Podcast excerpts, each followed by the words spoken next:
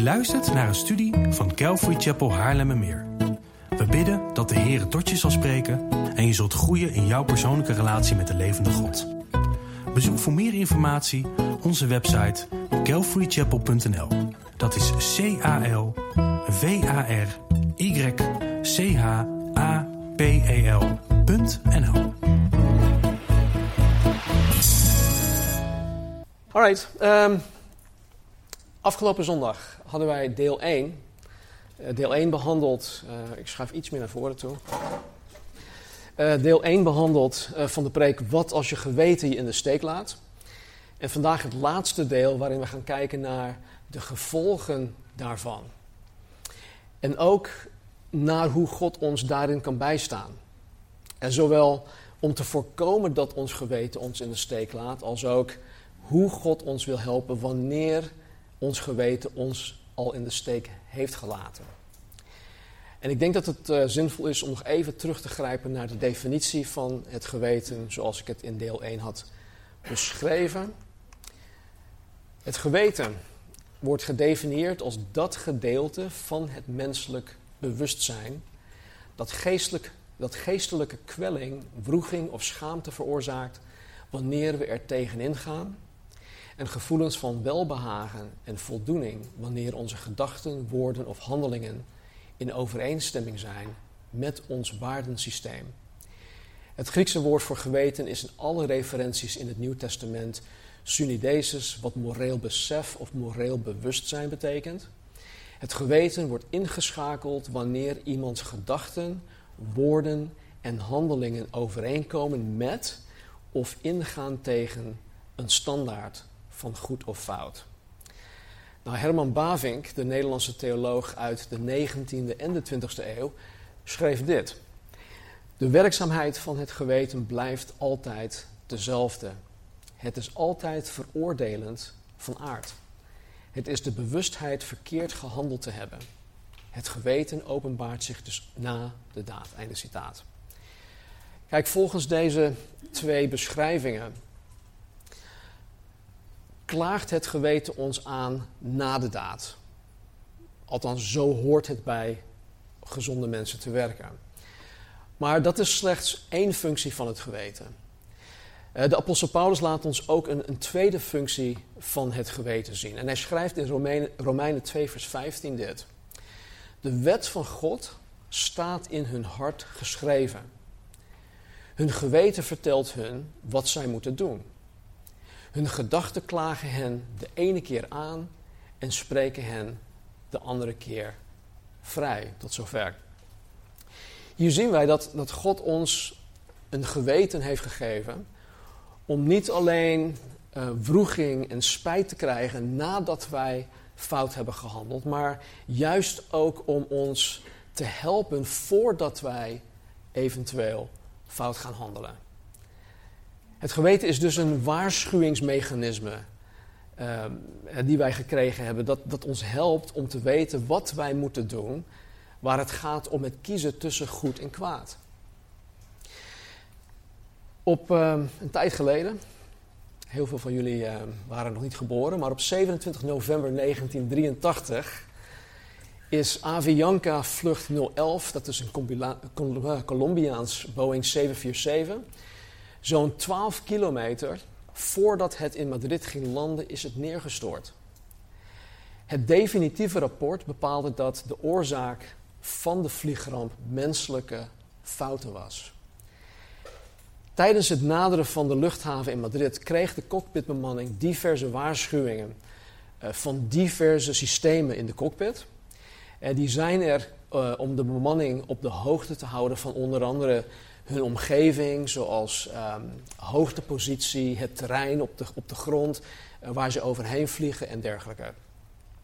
Omdat er onder andere miscommunicatie was tussen de leden van de cockpitbemanning zelf en ook nog eens tussen hen en de luchthaven in Madrid, had de bevelhebber, de, de, de piloot, een aantal kritische waarschuwingen genegeerd. Een van de waarschuwingssystemen die de hoogte van het vliegtuig ten aanzien van de grond hè, of de, het, de terrein bepaalt, begon op een gegeven moment keihard te loeien. Met een, met een sirene. en in, de, in, de, in de tekst stond dan van woep, woep. dat is dat het geluid wat zo'n sirene dan maakt. En vervolgens de woorden terrein, terrein, pull up, pull up in het Engels. En het systeem deed dit tot vier keer toe voordat de piloot het systeem handmatig uitschakelde. Vijf seconden nadat de piloot het waarschuwingssysteem uitschakelde, stortte de Boeing 747 neer. Nog geen drie minuten verwijderd van een veilige landing in Madrid. Wat deze ramp nog erger maakte, was dat de cockpitbemanning de ramp had kunnen voorkomen. Voordat ze de terrein-terrein pull-up pull-up waarschuwing kregen, kregen ze van hetzelfde systeem acht minuten eerder al een waarschuwing dat er iets niet helemaal goed was met hun hoogte. Er was een discrepantie tussen de daadwerkelijke hoogte en wat zij dachten. Maar omdat zij dit hadden genegeerd en uiteindelijk het waarschuwingssysteem hadden uitgeschakeld, waren 181 mensen om het leven gekomen. 181 mensen. Door simpelweg de waarschuwing op tijd in acht te nemen, hadden zij deze ramp kunnen voorkomen. Ze hadden het kunnen voorkomen.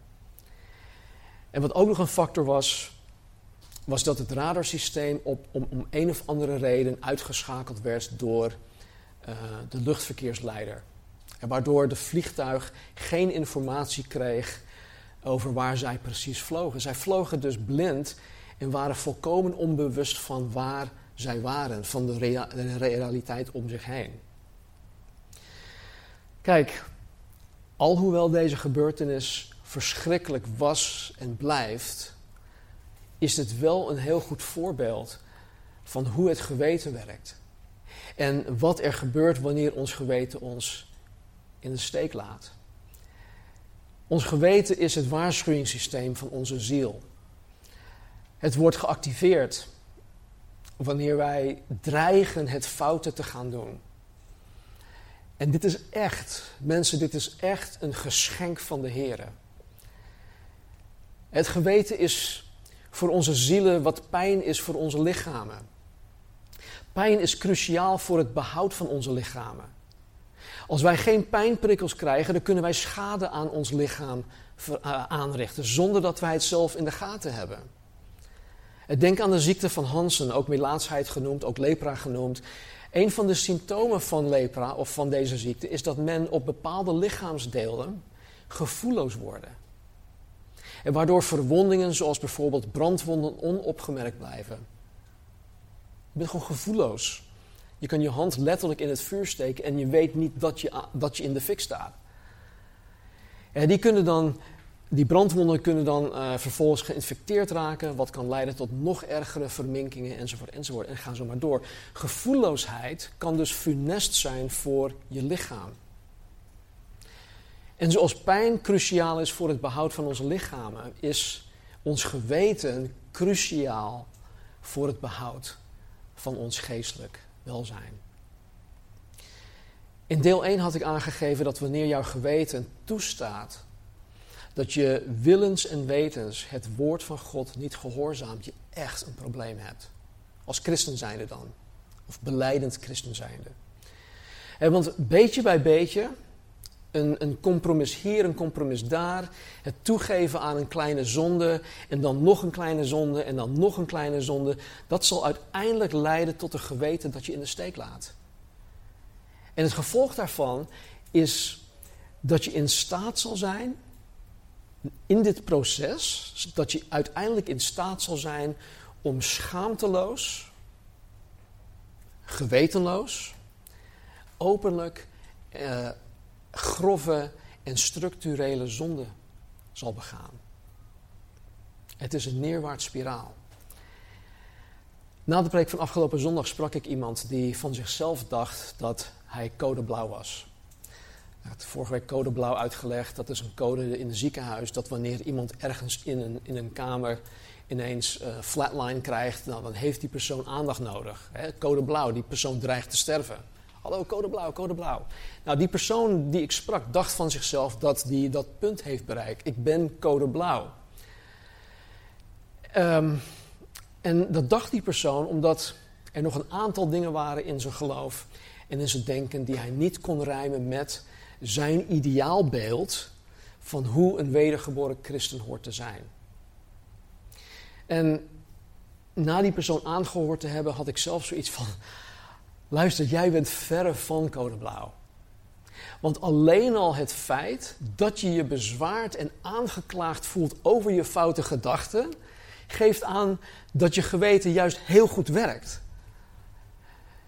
Het is namelijk zo dat wanneer iemand wel codeblauw is, hij of zij niet eens doorheeft dat hij of zij codeblauw is. want het geweten spreekt die persoon niet meer aan. Dit persoon zal zijn zonde goed praten.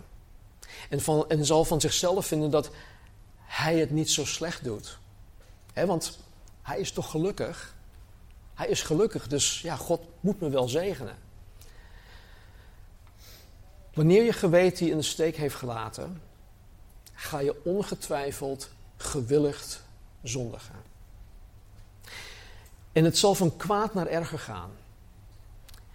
wat ik net zei, het is een neerwaarts spiraal waar je in terechtkomt. En de Bijbel zegt het volgende over wat de zonde met je zal doen. Haak alsjeblieft niet af, hè, want dit, dit is heel belangrijk. In Romeinen uh, hoofdstuk 6, vers 23a, dat eerste gedeelte, staat dit. Wie gehoorzaam is aan de zonde, krijgt als beloning de dood. Wie gehoorzaam is aan de zonde, krijgt als beloning de dood. Kijk, wij, wij zondigen allemaal. Allemaal. Ik ook. Elke dag opnieuw. Maar het gaat hier om het willens en wetens zondigen. En het gevolg van dit soort zonde is altijd de dood.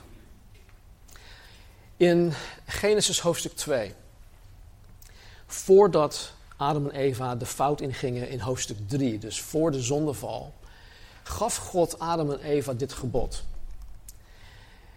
Van alle bomen van de hof mag u vrij eten. Maar van de boom van de kennis van goed en kwaad, daarvan mag u niet eten. Want op de dag dat u daarvan eet, zult u zeker sterven. Adam en Eva wisten donders goed dat zij niet van deze ene boom mochten eten. Het was maar één boom. Eén boom. Maar ze konden het niet laten. En, en, en ze deden het toch omdat zij, zij eigenlijk niet geloofden dat zij zouden sterven. Zij geloofden niet dat zij zouden sterven. Ze geloofden God niet. Zij, ze geloofden dus niet dat zij de consequenties van hun zonden moesten dragen. Ik weet niet eens of ze überhaupt aan die consequenties hadden gedacht. Blijkbaar niet. En zij stierven niet ter plekke zoals zij misschien hadden gedacht. En omdat zij niet hadden, ja, stierven, dachten zij van zie. God had, God had tegen ons gelogen. Wat de Satan hun inpraten. En zij stierven dus niet ter plekke. Adam bereikte zelfs een, een leeftijd, over oude mensen gesproken, van 930 jaar. Dat is pas oud. Dan ben je als 70-jarige nog een jonkie. En maar hij bereikte gewoon een leeftijd van 930 jaar. Maar zij stierven wel allebei geestelijk. Niet lichamelijk meteen, maar zij stierven geestelijk. En dat gebeurde dus wel ter plekke. Zij werden direct door God de Hof van Eden uitgezet. Er staat letterlijk dat God hen verdreef. En waar zij hiervoor in de Hof van Eden nog persoonlijk contact met God hadden, werd dit contact onmiddellijk verbroken. De fellowship met God werd verbroken en dat noemen wij ehm, de geestelijke dood. En dat is dus de geestelijke dood waar ik het net over had. En dit was een direct resultaat van het willens en wetens tegen God zondigen. Geestelijk stierven zij wel onmiddellijk. Want de zonde had hun fellowship met God gedood. De zonde had de fellowship die zij eerder hadden met God gedood. Jesaja heeft hier ook iets uh, bijzonders over te zeggen. Hij spreekt hier tot Israël. En hij zegt in Jesaja 59, 1 en 2: Zie, de hand van de Heere is niet te kort dat ze niet zou kunnen verlossen. En zijn oor is niet toegestopt dat het niet zou kunnen horen, maar uw ongerechtigheden maken scheiding tussen u en uw God. Uw zonden doen zijn aangezicht voor u verborgen zijn, zodat hij u niet hoort. Tot zover. Jesaja zegt dat, dat God niet te zwak is. God is ook niet doof om je te kunnen redden. Maar dat je eigen zonden je in de weg staan. Met andere woorden, je zonden zorgen ervoor dat je relatie met God gedood is. Waardoor je geen fellowship met God kan hebben, waardoor je God, uh, waar God je niet meer wil horen. Laat staan verhoren. Bewust en gewillig tegen God zondigen doodt dan niet alleen je fellowship met God. Want dat doet het. Het doodt je fellowship met God. Blijf je nog zijn kind? Ja. Ik heb tegen me, toen onze kinderen nog jong waren, had ik dit idee geprobeerd uit te leggen. En ehm, als een van de kinderen zich willens en wetens misdroegen, kregen ze van mij straf. Dan moesten ze naar de kamer toe. En dat is dan op de eerste verdieping. Wij, zitten lekker beneden. En op het moment, of op dat moment, is onze fellowship verbroken. Zij zijn van, ons, van onze aanwezigheid verwijderd. Zij zitten boven, wij zitten beneden. Zij zien ons niet, wij zien hun niet. Dus er is geen communicatie. Dat, dat, dat is nog voor deze rotdingen. Weet je, dus geen communicatie. De fellowship was verbroken. Bleven mijn kinderen wel mijn kinderen, nog steeds mijn kinderen? Ja. Maar die fellowship die was verbroken. Er was geen contact. Zij konden niet van mij genieten, van ons genieten, Marnie en mij. En wij konden ook weer niet van hun genieten. Dus die fellowship die was verbroken. Maar bewust en gewillig tegen God zondige dood is niet alleen die fellowship met God. Maar als gevolg daarvan doodt het nog veel meer dingen in je leven. Het doodt je getuigenis van Jezus. Het, het allerbelangrijkste, dat is de reden waarom wij hier op aarde zijn. Het doodt je getuigenis van Jezus. Want hoe kan je nog een getuige van Jezus zijn als je Hem zelf niet navolgt en gehoorzaamt? Als je Hem en als je Zijn woord aan je laars lapt. Dat kan niet, dat is, niet, dat is gewoon niet mogelijk. Het doodt je relaties met je broers en zussen in Christus. Want je weet dat je echte, Heilige Geest vervulde broers en zussen je zullen proberen te overtuigen van jouw zondig levensstijl. En naarmate je verder en dieper zinkt in je zondig levensstijl, zal je dat niveau van contact kosten wat kost vermijden. Je zal nog wel contact hebben met mensen, maar het zullen geen mensen zijn die jou zullen aanspreken op, op jouw gedrag of op jouw wangedrag. dus je gaat het kosten wat kost vermijden. Dus ook zullen die contacten met je broers en zussen gaan verwateren, totdat er helemaal geen contact meer is. Ik zie het door de jaren heen gewoon voor mijn ogen gebeuren met mensen. Het doodt de vrede in je hart want alhoewel je er alles aan doet om je gevoelens over je zonde te onderdrukken, blijft dat irritant alarm loeien. Dat, dat irritant waarschuwingssysteem. En al is het ergens ver op de achtergrond, het blijft loeien, je blijft het horen. Het is een beetje te vergelijken met oorsuizen dat heet volgens mij tinnitus, uh, de technische naam. Het gaat eigenlijk nooit helemaal weg. Waardoor je geen vrede hebt in je leven, met je leven, met de keuzes die je hebt gemaakt. Het doodt je vreugde en je blijdschap. En natuurlijk kan je nog wel lachen, maar heel vaak is het geforceerd. En maar de echte vreugde, die een constante kan zijn in je leven, die God voor je wil, die vreugde is afgestorven. Je bent het kwijt. En dus ga je vervolgens gebukt onder je zondig levensstijl door het leven. Kijk, God wil dit absoluut niet. Wat ik nu allemaal heb omschreven, beschreven, God wil dit niet voor zijn kind. God houdt onvoorwaardelijk van zijn kinderen. En God wil liefst dat zijn kind dat verwikkeld is in een zondig levensstijl daarvan uitkomt.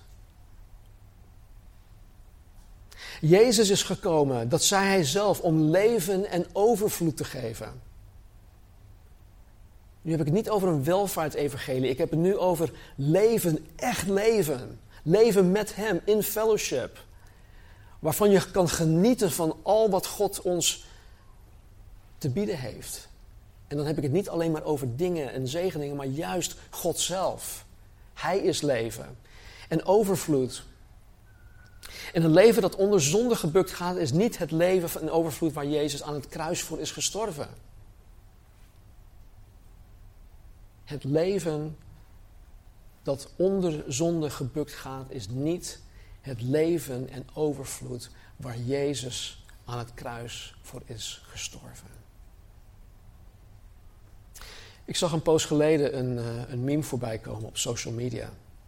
Dat zei, het was in het Engels, maar goed, Casper heeft me geholpen om het te vertalen. En het kwam hierop neer. Matcht jouw levensstijl de waarde van Jezus' offer aan het kruis? Matcht jouw levensstijl de waarde van Jezus' offer aan het kruis? Dat is een hele indringende vraag. En dat is een vraag die wij ons dagelijks moeten voorhouden. Het houdt je, het, ja, het houdt je scherp. God wil zijn kind het allerliefst leiden en begeleiden door zijn woord en door de Heilige Geest. En hij doet dat op verschillende manieren. Door preken, door gesprekken met geestvervulde broers en zussen. Hij doet dat tijdens de online fellowships die we hebben. Hij doet dat op zoveel verschillende manieren. Eh, door zelf de Bijbel te lezen. Weet je, dus hij wil zijn kind, zijn kind allerliefst leiden door zijn woord en door de Heilige Geest. Daarom heeft God ons een geweten gegeven. God weet het verleden, hij, hij, hij, hij kent het heden en de toekomst van ons leven. En daarom is het verstandig en ook waardevol om juist naar Hem te luisteren. Vooral als wij al zo ver zijn.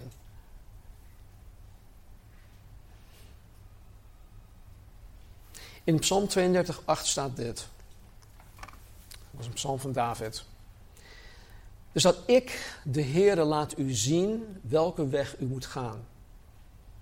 Ik geef u raad en houd mijn oog op u gericht. God wil ons in alles leiden. Vooral in belangrijke levenskeuzes die wij moeten maken. Hij geeft ons hiervoor de allerbeste raad die er is. En het hoeft niet eens de allerbelangrijkste levenskeuzes te zijn. Hij doet dat ook met de allerkleinste dingen. En hij houdt zijn oog op ons. De King James vertaling zegt: I will guide thee with mine eye. I will guide thee with mine eye. Oftewel, ik zal jou met mijn oog leiden. Ik zal jou met mijn oog sturen. Ik zal jou met mijn oog de weg wijzen. En dit komt veel dichter bij de grondtekst. En wat dit voor ons betekent is enerzijds dat Gods oog op ons rust, met andere woorden dat Hij ons nooit uit het oog verliest.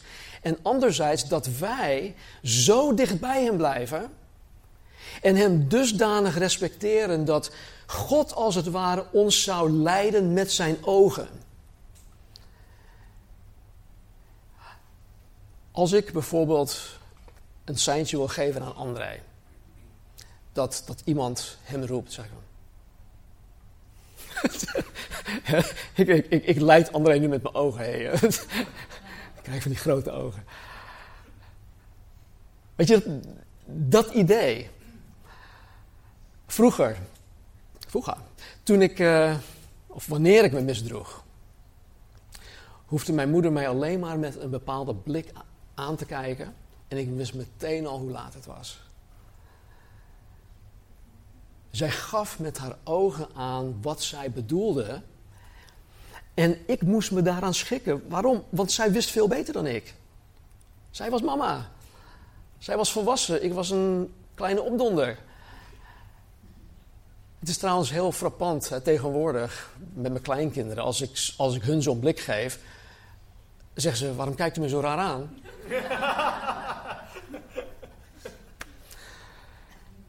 Kijk, en zo wil God ook dat wij intiem met Hem wandelen.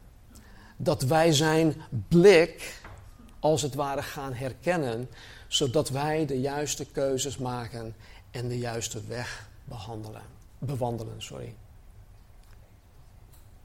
En wat ik hier ook uit haal, is dat God ons wil leiden en sturen met zijn oog door ons, um, door ons leven. Hè, dus hij wil ons leiden met zijn oog door ons leven en de keuzes die wij moeten maken.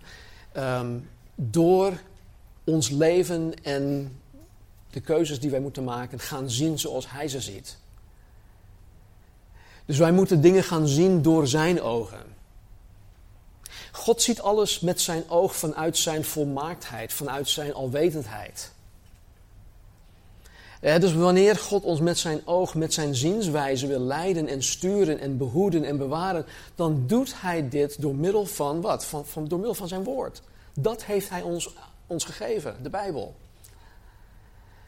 Paulus schreef in 1 Korinthe 2 dat wij de gedachten, oftewel de gezindheid van Christus hebben. En dit komt niet tot ons door, een of, door middel van een of andere paranormale ervaring. Het is niet eh, de mystiek of iets dergelijks. Nee, wij hebben de volmaakte gedachte van Christus in de Bijbel. Dus de manier waarop God ons met zijn oog leidt en stuurt en behoedt en bewaart en helpt, is door middel van zijn woord, de Bijbel. En dat is dan ook de enige manier om te leren zien zoals God ziet. Hoe de waarheid uit de Bijbel tot ons komt, verschilt wat ik net zei, maar de bron blijft altijd dezelfde.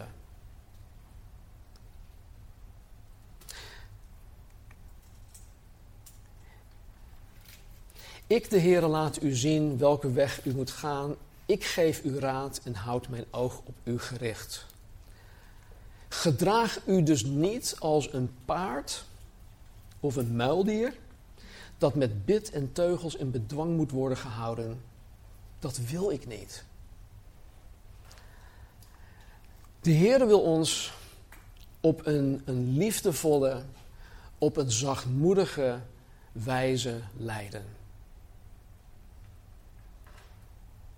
Hij wil dat doen door ons het leven te laten zien zoals Hij het vanuit Zijn volmaaktheid ziet. Hij heeft de big picture wij weten maar zo, zoveel. Maar wat nu als wij dit niet willen? Wat nu als wij niet door God op een liefdevolle en tedere en zachtmoedige manier door Hem geleid willen worden? Geleid willen worden met zijn oog. Wat nu als wij, als wij koppig zijn halstarrig zijn, zoals de Israëlieten? Wat nu als wij geen acht slaan op ons geweten? Op het interne waarschuwingssysteem dat God ons gegeven heeft om ons te leiden en te sturen en te behoeden. Wat dan? Kijk, Als wij onze hakken in het zand zetten en niet door God, Gods oog geleid willen worden, dan is God noodgedwongen om meer drastische maatregelen te treffen. En dat klinkt heel niet liefdevol. dit, dit, zal je waarschijnlijk niet in, in veel evangelische kerken horen, want daar is God een, een, groot knuffelbeertje die van iedereen houdt. En, maar God wordt genoodzaakt om drastische maatregelen te treffen.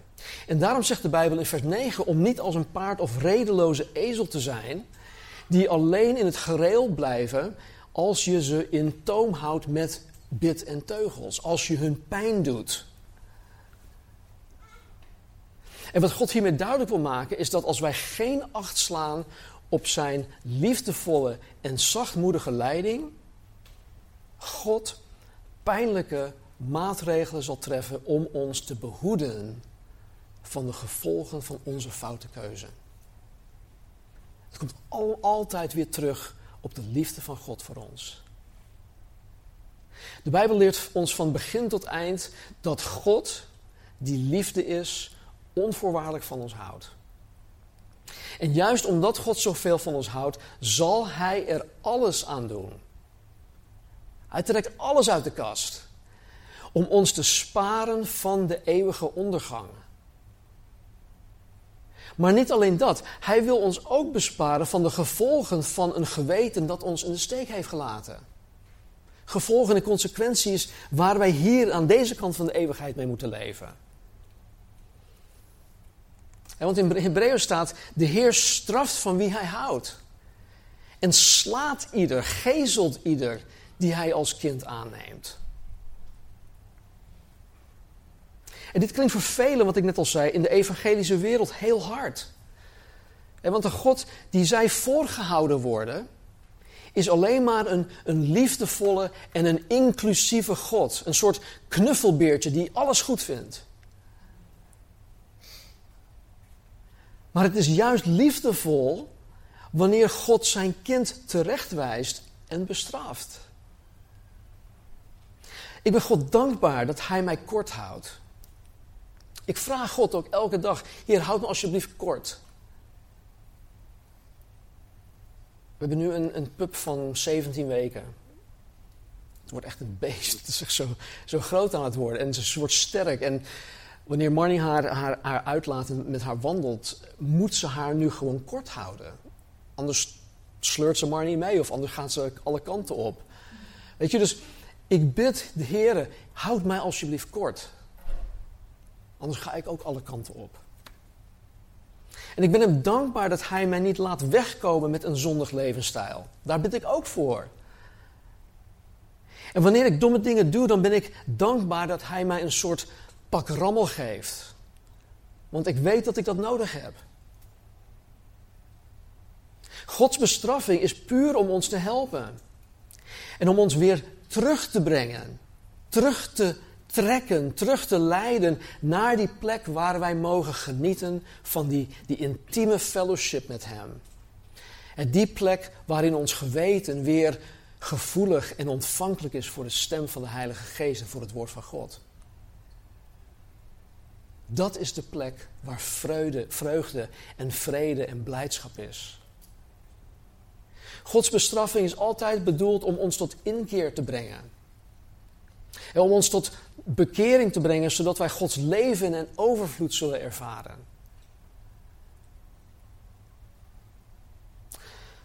Johannes schreef in, in Openbaring 3:19 dit. En dit is Jezus die, tegen, die tot de gemeente in Laodicea spreekt. Ieder die ik lief heb, wijs ik terecht en bestraf ik. Wees dan ijverig en bekeer u. Dat is de oplossing. Dat is de oplossing. Wees ijverig en bekeer u. In de Grootnieuwsbijbelvertaling staat het zo. Allen die ik lief heb, bestraf ik, wijs ik terecht. Wees dus ijverig en keer terug van de weg die u bent ingeslagen. De nieuwe Bijbelvertaling zegt het zo. Iedereen die ik lief heb, wijs ik terecht en bestraf ik. Zet u dus volledig in en breek met het leven dat u nu leidt. Dit is toch duidelijk? Dit is voor mij heel duidelijk. De manier waarop God zijn geliefd kind bestraft is heel verschillend. En want God is een God van maatwerk. En elke situatie is uniek. We zien bijvoorbeeld door de Bijbel heen voorbeelden van Gods bestraffing van zijn kinderen. Eh, kinderen. Eh, Israël was bijvoorbeeld vaker ongehoorzaam dan dat Israël gehoorzaam was. En het gevolg van hun ongehoorzaamheid was dat God hen strafte. Kijk, God was meer dan geduldig met Israël. Hij, probeerde Israël continu naar zich toe te trekken, hun terug te fluiten, hun, hun naar zichzelf te trekken. Hij deed dat door hen profeten te sturen, die, die met hen pleiten. Zij pleiten met Israël. Zij waarschuwden Israël. Sommigen smeekten Israël om zich te bekeren. Dat was een teken van Gods geduld. Soms duurde het honderden jaren.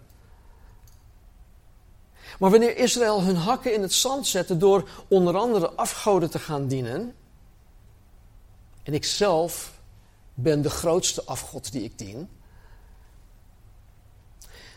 bracht God zijn straf in de vorm van een of andere plaag hè, bij Israël, of aanvallen van hun vijanden, oorlogen die ze niet konden winnen. God hield nog even veel van Israël.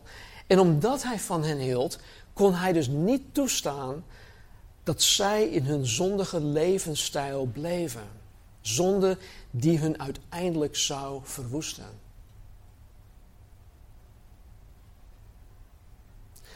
En kijk, voor ons kan Gods bestraffing komen in de vorm, en ik, noem hier maar enkele voorbeelden, in de vorm van schuldgevoelens. Schuldgevoelens waar we mee opstaan en waar we mee naar bed gaan. Ook kan God toelaten dat de omstandigheden waarin wij zitten ontzettend moeilijk zijn. Zo moeilijk zelfs dat wij geen uitweg mogelijk zien. Ook kan God onze vrede bij ons wegnemen, of relaties kapot laten gaan, of welk ander negatieve consequenties dan ook. Het varieert gewoon enorm. En in tegendeel tot, tot Psalm 1, waarin staat dat al wat hij doet zal goed, goed gelukken, zal voor degene die God straft niets meer lukken. Alles zal tegenzitten. In sommige gevallen, zoals in de kerk in Korinthe, kan Gods bestraffing zelfs tot ziekte of tot de fysieke dood leiden. En weet je, de bestraffing van God, even hoor.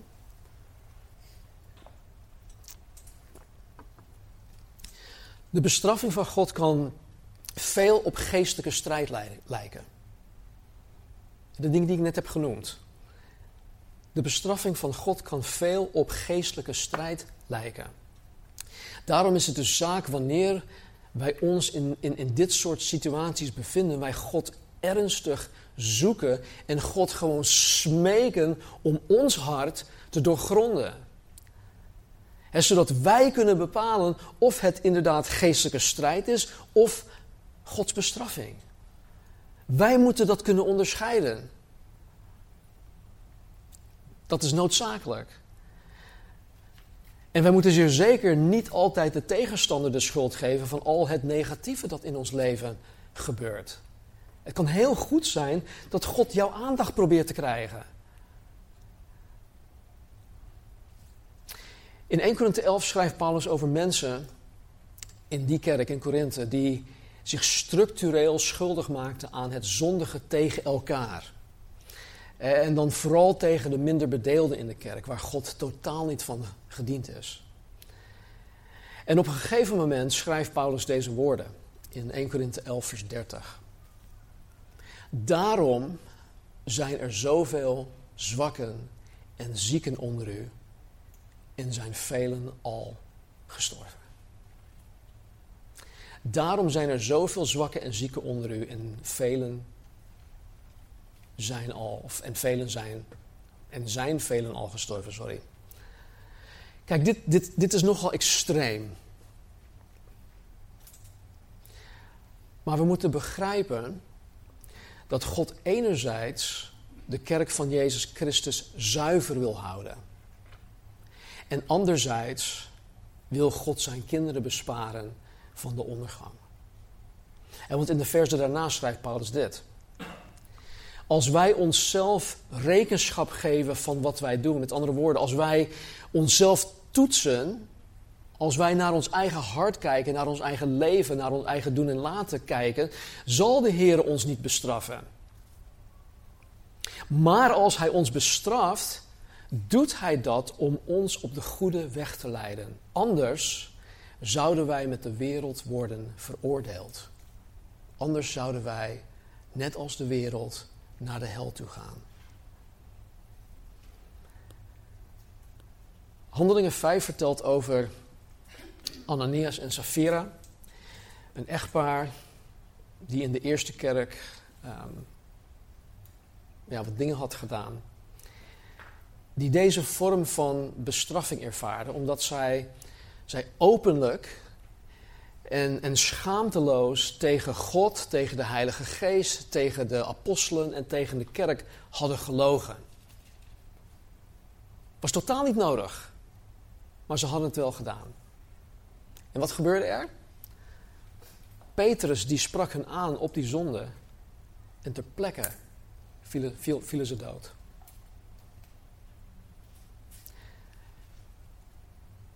Ik geloof niet dat zij voor eeuwig verloren zijn, mits zij wedergeboren waren, maar ze hadden iets doms gedaan. En God had hun als voorbeeld gegeven naar de anderen toe. Want er staat daarna, vreesden de mensen in de kerk. En dat is altijd gezond. Gezonde vrees is goed. Nou, als laatste wil ik nog een vorm van Gods bestraffing belichten omdat het niet slechts de persoon in, in kwestie aangaat, maar het vereist ook de betrokkenheid en het handelen van de leden van de plaatselijke kerk, zoals wij, Calvary Chapel Haarlemmermeer. Jezus zei dit tegen zijn discipelen. Stel, stel dat een andere gelovige zondigt. Zeg hem dan wat hij verkeerd gedaan heeft, zonder dat er anderen bij zijn. Als hij naar je luistert, dan heb je hem bij God teruggebracht. Maar als hij niet naar je wil luisteren, moet je naar hem toe gaan samen met één of twee anderen. Want er zijn minstens twee mensen nodig voor een geldige verklaring. Als hij dan nog niet luistert, vertel het dan aan de hele groep gelovigen, dus aan de hele gemeente. Als hij ook niet naar de groep luistert, dan hoort hij er niet meer bij. Dan moet je hem behandelen als een ongelovige of een tollenaar. Tot zover.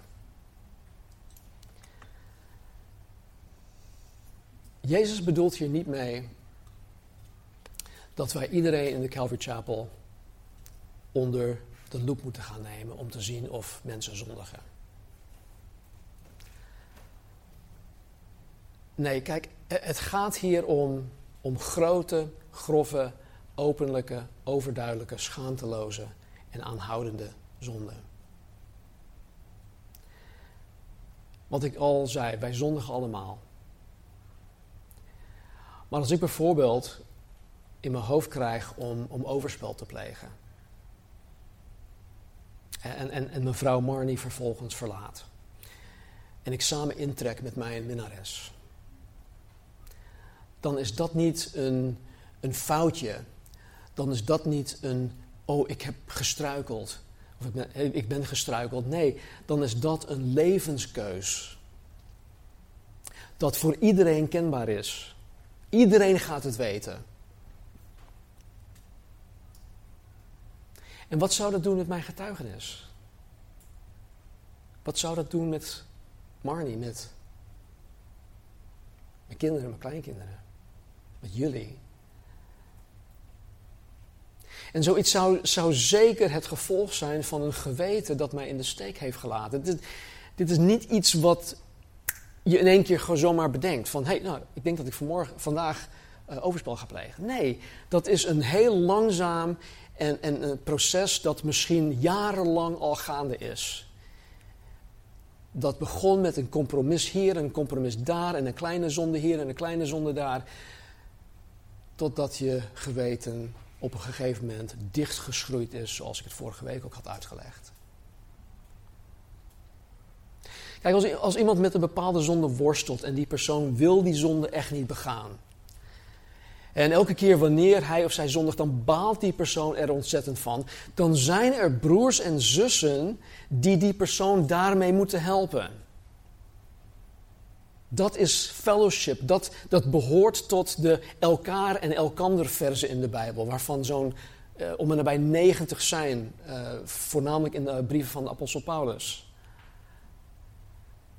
En maar als iemand willens en wetens zo'n openlijke levenskeus maakt, dat gigantische consequenties heeft, en dan niet, niet alleen consequenties voor zichzelf, maar ook voor anderen, dan zijn wij als kerk, wij als kerk, genoodzaakt om kerkelijke tucht in te schakelen, zoals Jezus het hier in Matthäus 18 opdraagt. Dat moet. En dit is niet iets waar wij ondoordacht of onzorgvuldig mee om horen te gaan. Dit is niet iets wat we roekeloos doen. Wij horen dit ook niet gehaast te doen, maar wanneer het nodig is, dan moeten wij het wel doen. Anders zijn wij de heren die wij als heren beleiden, die dit ons opdraagt, anders zijn wij hem ongehoorzaam. En uiteraard begint dit, of gebeurt dit bidden, dit is een proces.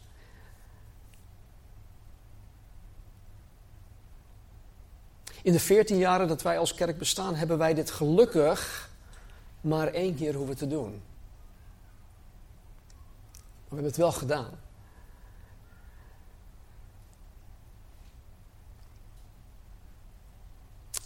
Het is moeilijk. Het gaat tegen, je, tegen al je gevoelens in. Het is, het is pijnlijk. Het is verdrietig. Je krijgt er slapeloze nachten van. Het levert een hoop spanning en stress en al dat soort narigheid. Maar het is noodzakelijk. Want God heeft dit als onderdeel van zijn bestraffing ingesteld. En zoals God ons als medearbeiders in zijn wijngaard, in zijn kerk heeft aangesteld om de kerk te bouwen, moeten wij ook dit aspect doen. En mijn pleidooi hierin is laat het alsjeblieft nooit zo ver komen. Laat het alsjeblieft nooit zo ver komen.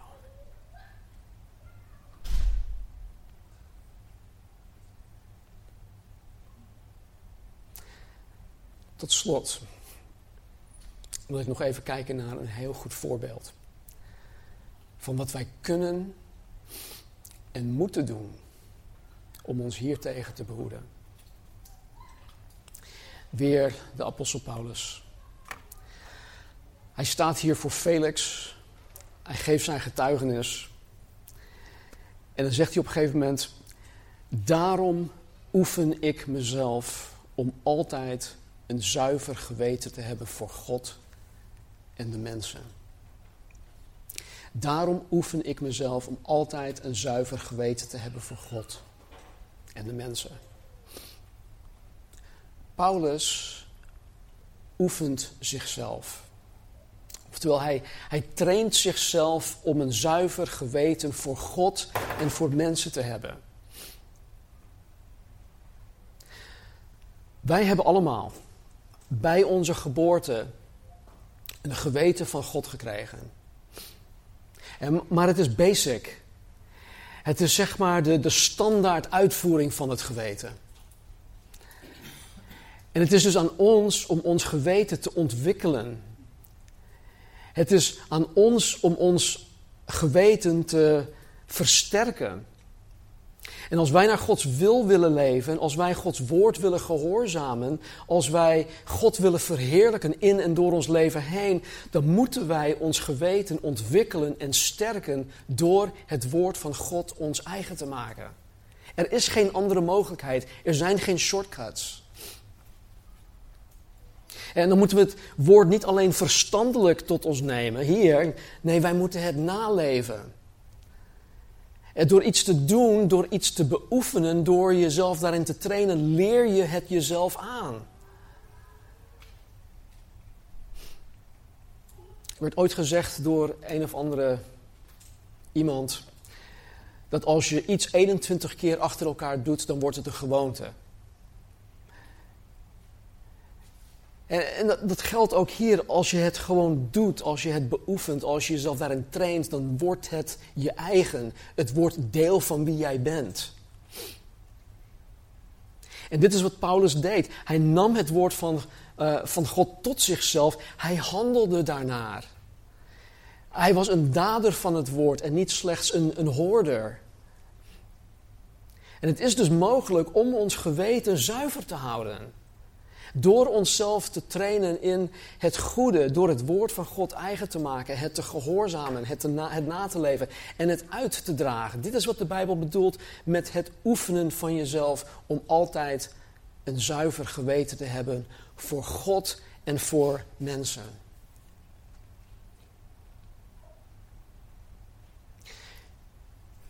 En als jij je vanmorgen in een levenssituatie bevindt waarin jouw geweten je in de steek heeft gelaten. Kom alsjeblieft, alsjeblieft, tot inkeer.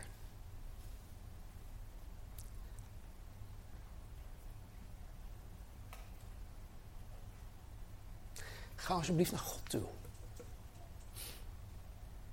Hij staat met open armen klaar om je dicht naar zich toe te trekken. En als je de laatste tijd merkt dat je compromissen sluit met je geweten dat je steeds meer kleine zonden minder erg aan het vinden bent. Stop daarmee. Kap daar gewoon mee. Bekeer je gewoon onmiddellijk. En als je iemand kent die zich in dit soort neerwaarts spiraal bevindt, reik alsjeblieft uit naar die persoon om hem of haar te helpen. Dat is gemeente zijn. Laten we bidden. Heere God, dank u wel dat u ons nooit loslaat. Ons nooit los wil laten. Heere, dat u alles uit de kast haalt om ons te behouden en te behoeden. Heere, van de gevolgen van onze domme keuzes die wij maken, de foute keuzes die wij maken, willens en wetens. En Heer, dank u wel dat u zo geduldig met ons bent. En Heer, als wij het idee hebben dat ons geweten ons in de steek heeft gelaten. Heer, bij u is er altijd een weg terug mogelijk. U sluit de deur nooit.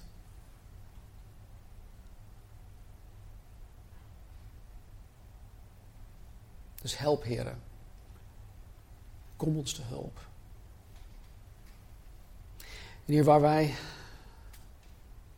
misschien kleine zonden niet zo erg meer vinden. Waar wij compromissen hebben gesloten met ons geweten. Waar we dingen in ons leven toelaten waarvan wij eerst dachten van hé, hey, dit is niet goed, maar nu kan ik het wel aan omdat ik nu volwassener ben in mijn geestelijk leven. Heer, help ons om daar van te bekeren. En Heer, als er iemand is die zich in dit neerwaartsspiraal bevindt en als u dat aan ons bekend maakt. Heer, help ons, beweeg ons om uit, te reiken, om uit te reiken naar die persoon. En heren, waar nodig, wanneer wij de kerkelijke tucht, heren, uit Matthäus 18, noodgedwongen moeten toepassen. Geef ons helderheid. Geef ons liefde. Geef ons kracht. Geef ons genade. Geef ons de moed om te doen wat u van ons vraagt. Wat u ons opdraagt te doen. Dank u Heer dat u van ons houdt. Zoveel dat u ons niet met zonde weg wil laten komen. Dank u wel dat u van ons houdt, dat u ons kort wil houden. Doe dat alstublieft, Heer. Ik geef u toestemming, Heer, om dat met mij te doen. Doe dat alstublieft met mij. Doe dat alstublieft met ons. Tot eer en glorie van de naam van onze Heer Jezus Christus. Amen. Amen. Ik wil afsluiten met een uh, gedeelte uit Romeinen hoofdstuk 8. En dan zal André nog een paar liederen zingen. Romeinen hoofdstuk 8, vers, vanaf vers 31. Wat zullen wij dan over deze dingen zeggen? Als God voor ons is, wie zal tegen ons zijn? Hoe zal Hij, die zelfs zijn eigen zoon niet gespaard, maar voor ons allen overgegeven heeft, ons ook met Hem niet alle dingen schenken? Wie zal beschuldigingen inbrengen tegen de uitverkorenen van God? God is het die rechtvaardigt. Wie is het die verdoemt? Christus is het die gestorven is. Ja, wat meer is, die ook opgewekt is, die ook aan de rechterhand van God is, die ook voor ons pleit. Wie zal ons scheiden van de liefde van Christus? Verdrukking, of benauwdheid, of vervolging, of honger, of naaktheid, of gevaar, of zwaard? Zoals geschreven staat, want omwille van u worden wij de hele dag gedood. Wij worden beschouwd als slachtschapen. Maar in dit alles zijn wij meer dan overwinnaars door Hem die ons heeft liefgehad. Want ik ben ervan overtuigd dat nog dood, nog leven, nog engelen, nog overheden, nog krachten, nog tegenwoordige, nog toekomstige dingen, nog hoogte, nog diepte, nog enig ander schepsel ons zal kunnen scheiden van de liefde van God in Christus Jezus, onze Heer. Het is ook een geweten die ons in de steek gelaten heeft niet. Niets kan ons scheiden van de liefde van God in Christus Jezus, onze Heer. Ik wens jullie allemaal een gezegende zondag toe. Degene die op vakantie gaan, een gezegende vakantie. Blijf de Heer ernstig zoeken. Blijf je eigen hart onderzoeken. En laat dit je alsjeblieft niet overkomen. Tot eer en glorie van zijn naam.